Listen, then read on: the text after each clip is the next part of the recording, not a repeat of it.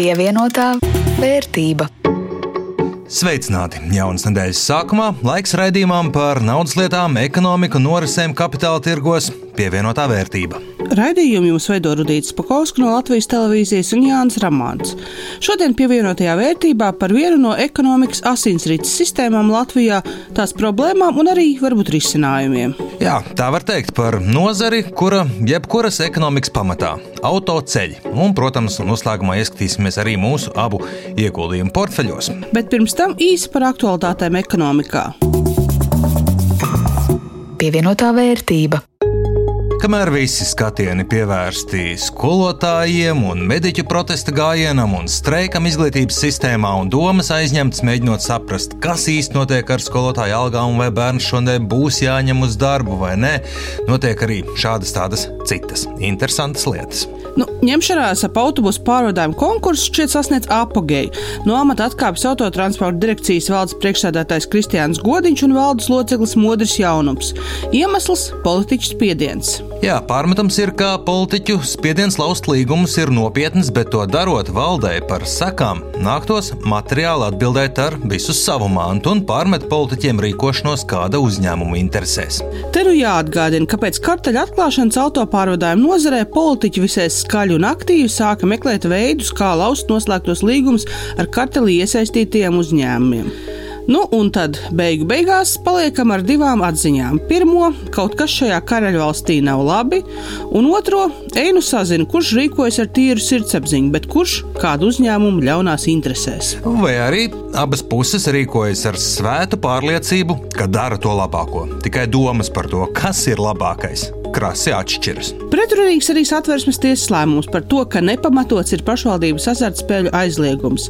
Kā skaidro tiesa, nedrīkst tā vienkārši ņemt un aizliegt azartspēles visā pašvaldībā, nepierādot, ka šis aizliegums ir rūpīgi pārdomāts un izvērtēts. Čekavas pašvaldība gan teica, labi, tā kā vēlamies aizliegt azartspēles, ķersimies pie rūpīgas izvērtēšanas un aizliegsim zaudētavas nevis visur vienlaikus, bet pa gabaliņam, gabaliņam vien, kamēr rezultāts būs tāds pats. Ne, nu, rezultāts jau, protams, tas pats, tikai izmaksas lielākas katram lēmumam, gatavojoties, izvērtējot, dokumentējot un pieņemot. Un uzņēmēju, nu jau riskējuši teikt, kārtīgajam dziesmu svētku korim, kas sūrojas, ka nav īsti laba ar Eiropas naudas apguvumu prasībām, pievienojušies zemnieki. Viņu iebildumi jaunas birokrātiskas prasības. Jāfotografē tehnika, jāievada dokumenti un citējot lauksaimnieku teikto LTV panorāmā, pie atbalsta tiks tikai apņēmīgākie, bet bez šā paliks tie, kas ar tehnoloģiju nu ir uz jūs, vai arī tie, kas nolems, ka nav vērts. Noturēt esošo vai attīstīt? Ar šādu jautājumu un dilēmu vienlaikus aizdītajā nedēļā ceļa nozare pulcējās uz divu dienu konferenci. Tāda īsa anamnēze. Latvijā ir vairāk nekā 70 tūkstoši kilometru dažādu ceļu. Valsts ceļu kopgarums ir 20 tūkstoši, un nedaudz vairāk kā puse no ceļiem ir ar grāmatas segumu. Ja runājam līdzībās ar asinsrites sistēmu, tad ir tāds pamatīgs sabiezējums vai trombs, kas ir Rīgas reģions. Tur autoceļi ir visnoslogotākie, savukārt, jo tuvāk valsts robežai, jo sliktāk apasiņot ir šo reģionu ceļi, to kvalitātes ziņā un arī satiksmes intensitātes ziņā. Un paturpinot alegoriju, ir vēl viena ielaista hroniska kaite - nepietiekams uzturs, jeb nauda ceļu uzturēšanai un attīstīšanai. Ceļu nozares konferencē te ik viens runātājs pieminēja 615 miljonus gadā, kuri būtu nepieciešami, lai esošo ceļu stāvokli noturētu, nerunājot par kādu nozīmīgu attīstību. Bet realitāte gada no gada ir uz pusi mazāk naudas. Un neizdarīto darbu kopu apjoms pēdējo 30 gados tuvojas jau 3 miljardu eiro vērtībai. Gadiem esam dzirdējuši tādu vienu mantru: ir jāatgriežas pie speciālā ceļa fonda. To piedāvā arī bijušais ceļu policijas priekšnieks, tagad saimnes deputāts no partijas Latvijas pirmajā vietā Edmunds Zivtiņš. Šobrīd, iepriekš un arī turpmāk, ja mēs nemainīsim sistēmu, nekas nemainīsies vispār. Tātad mēs visu laiku pļakatāsim uz priekšu ar šiem 300 miljoniem ceļiem, kas ir uz pusi pusi mazāk nekā tas ir vajadzīgs. Tad jautājums ir tāds, ko darīt? Kur dabūt naudas līdzekļus, lai mēs varētu ieguldīt un uztaisīt ceļus tādus, kā mums vajag? Tad padomāsim, iziesim no vienas pozīcijas. Šobrīd tie, kas izmanto transporta līdzekļus visādās nodevās un nodokļos, valstī samaksā gadā 800 miljonus eiro. Tātad ceļi saņem atpakaļ nedaudz virs 300 miljoniem eiro. Tā ir Latvijas valsts ceļi ir pateikuši, lai uzturētu kārtībā ceļus, attīstītos, teikt, lai mēs būtu top valsts ceļu līmenī, mums ir nepieciešami 600 miljoni eiro. Faktiski tas, ko cilvēki, uzņēmēji un tā tālāk, un tā tālāk samaksā savos nodokļos un nodevās, bet diemžēl tas neatnāk atpakaļ uz ceļiem. Kā risināt šo jautājumu? Tātad manā skatījumā ir tikai viena izēja, ir jāatgriežas atpakaļ pie šī ceļu fonda, divu līmeņu ceļu fonda, kur viens ir šis valstiskais, otrs ir pašvaldībām. Līdzīga doma iepriekš vēl esot opozīcijā un arī strādājot Ulda auguļu vadītajā satiksmes ministrijā no valdības pozīcijām aizstāvēja arī Edgars Tavars no apvienotās saraksta. Bet tagad, atkal esot pie koalīcijas galda, domas pamainījis. Un es pats savu mantru skaitīju laikā, kad mēs ar Augļu kungu kopā strādājām satiksmes mm -hmm. atjaunosim ceļu fondu. Šobrīd, objektīvi paskatoties uz Igaunijas, uz Lietuvas un visu reģionu kopējo infrastruktūras un uz vienu kilometru finansējumu un uz kopumā uz valsti, uz iekšzemes koproduktu attīstību, uz budžeta ieņēmumiem, mēs ļoti precīzi saprotam, ka uh, summa nemainīsies no saskaitāmo kārtības. Svarīgākais uzdevums ir tas, ka, lai, mūsu iekšzemes koprodukts būtu vismaz par desmit miljardiem lielāks, lai budžeta budžeta ieņēmumi būtu vismaz pa pusotru miljardu lielāki. Un no valsts budžeta mēs arī skatāmies. Mums ir veselības aprūpe, mums ir pedagogi. Pēc savas būtības, ja mēs šo naudu pārliksim ceļu fondā, mēs kaut kam būsim viņus spiest noņemt no stūra. Ja paraugāmies tā objektīvi, tad pēdējos gados Latvijas valsts ceļu stāvoklis iet, ja var tā teikt, uz gaismu. Aizvien vairāk tiek sakārtotas lielās šoseis, galvenie autoceļi, bet savā ziņā uz tā rēķina aizvien sliktāk paliek ar mazākas nozīmes ceļiem, jo īpaši pašvaldību kurām brīžiem nav iespēju vispār ko darīt lietas labā un veidojas tāds kā apburtais aplis, saka Uģis Mitrivits, bijušais Siguldas mērs, tagad saimnes deputāts no Nacionālās apvienības. Mana sajūta ir tāda, ka patiesībā ir tāds tā apburtais lokus. Mēs šobrīd slēdzam ciet skolas, nu, mm -hmm. mēs šobrīd Jā. lauku ceļos neatļaujamies pēc matemātikas ieguldīt naudu, jo tur dzīvo mazi iedzīvotāji. Un šķiet, ka tas ir pareizi. Patiesībā tā virzība ir uz to, ka ir slikti. Mēs tā kā lēnām samazinām, sašaurinām, efektivizējam, jo tā pazīme ir tāda, ka tie cilvēki tur nav. Bet tas abortais lokus ir tāds, ka iespējams, ka tie cilvēki tur nav, mm -hmm. tāpēc ka tur nav skola. Vēsturiski, diemžēl, nav bijis tā, ka pašvaldības tā skaitā pat nevarēja kreditēties, lai sakārtotu ielas un ceļus. Bija tāds periods Jā. pēc dišķibeles Jā. krīzes. Pašvaldības pat nevarēja paņemt aizņēmumu, lai sakārtotu ielu un ceļu tikai saistībā ar Eiropas fondiem. Un Eiropas fondiem mēs zinām, ka nevienmēr aiziet nu, tie vajadzīgākie ceļi, tie, tur aiziet ceļi pēc pazīmēm, uzņēmējdarbības, mm -hmm. citas pazīmes. Līdz ar to tā pazīme tāda bijusi, ka pašvaldībām nebija lielas iespējas pat investēt, tad, kad viņas to gribēja darīt. Ir tā, ka mēs diezgan labi saprotam, ar kurām kaimiņu valstīm mums bija praktiski vienādas izējas pozīcijas pirms gadiem 30, un uz kuru ziemeļu kaimiņu raugāmies parasti kā piemēru. Šobrīd Igauni naudas daudzumu autoceļiem būtiski samazina, jo Eiropas Savienība daudz mazāk finansē autoceļus. Igauni par satiksmi ir sākuši domāt skandināviskāk, un iespējams mums arī būtu jāiet līdzīgs ceļš. Tā saka Saimnes Tautsemniecības agrārās vidas un reģionālās politikas komisijas priekšsēdētāja biedras frakcijas progresīvie priekšsēdētājs Kaspars Briškens. Un tas, ko Latvijai vajag darīt, atkal paturot prātā šo zemā blīvuma izaicinājumu, ir beidzot sākt mūsu savienojamības infrastruktūru plānot multimodālā līmenī. Atceramies, ka mūsu galvenais mērķis ir savienojamība un piekļūstamība. Gaunija ļoti veiksmīgi pēdējo divu gadu laikā veicot reformu mainīja savu savu infrastruktūras eh, plānošanas pieeju.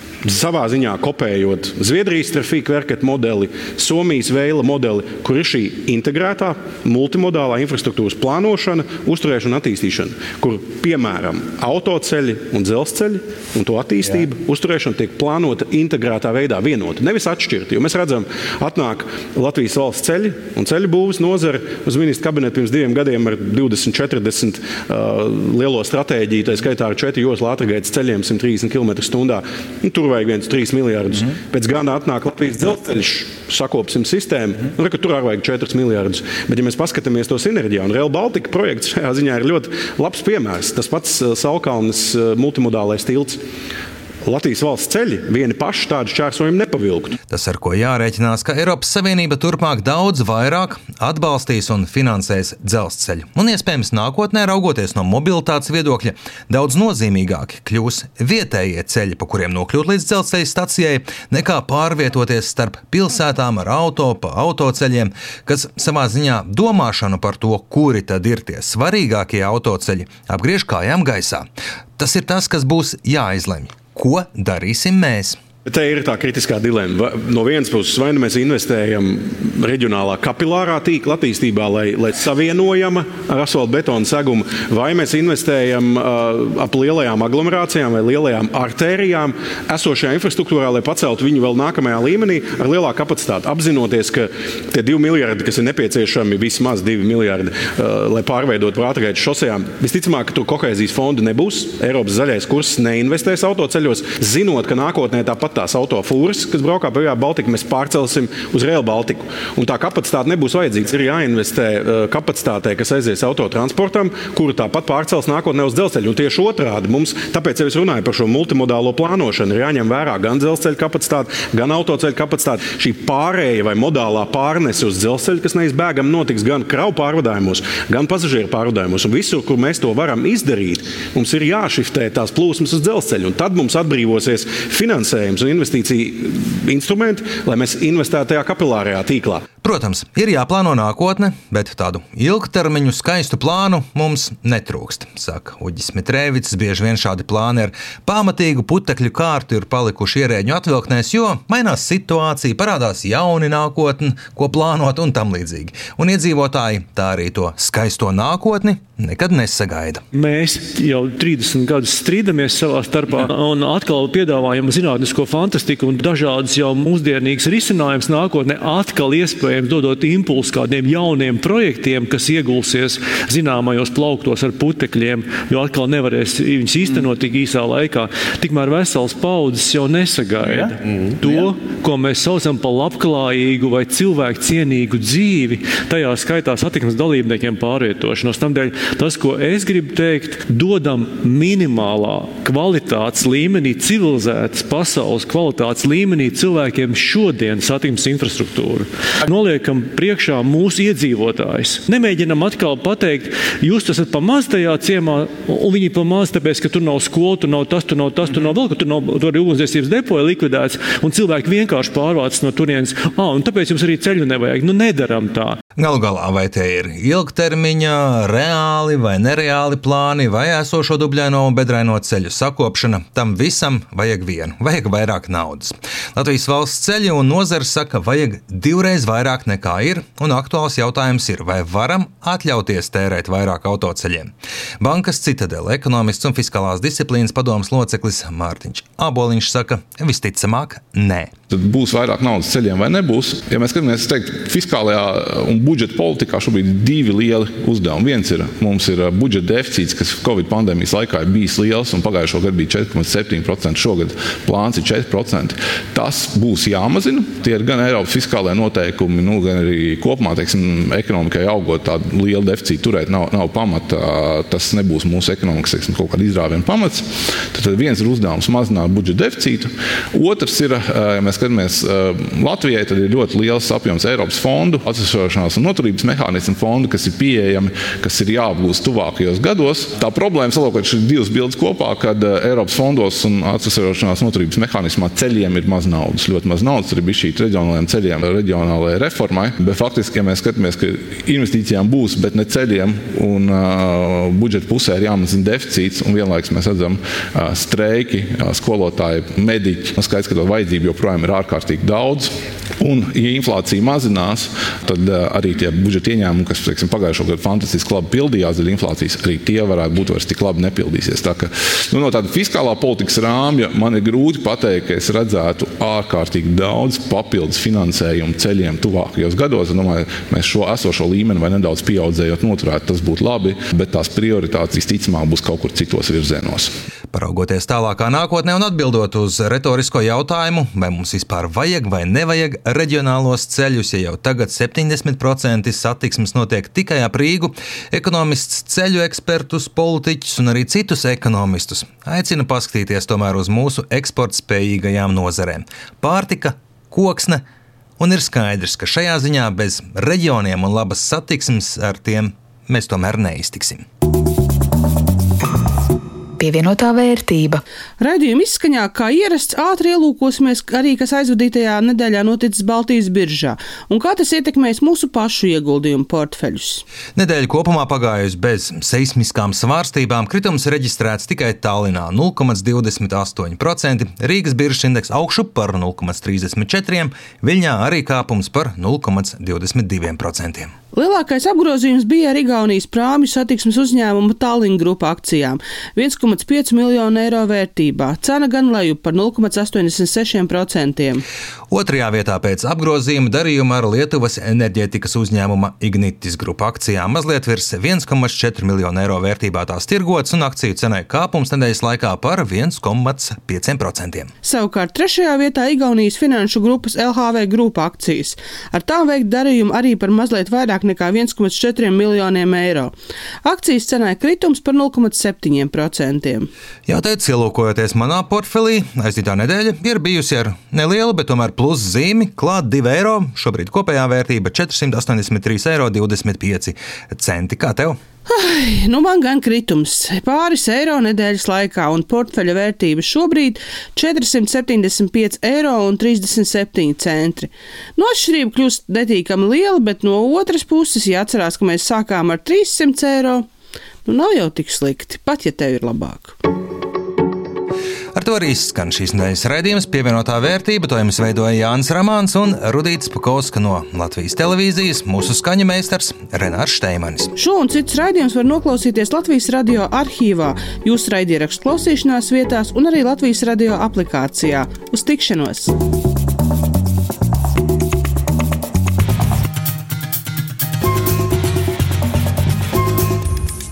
Pievienotā vērtība.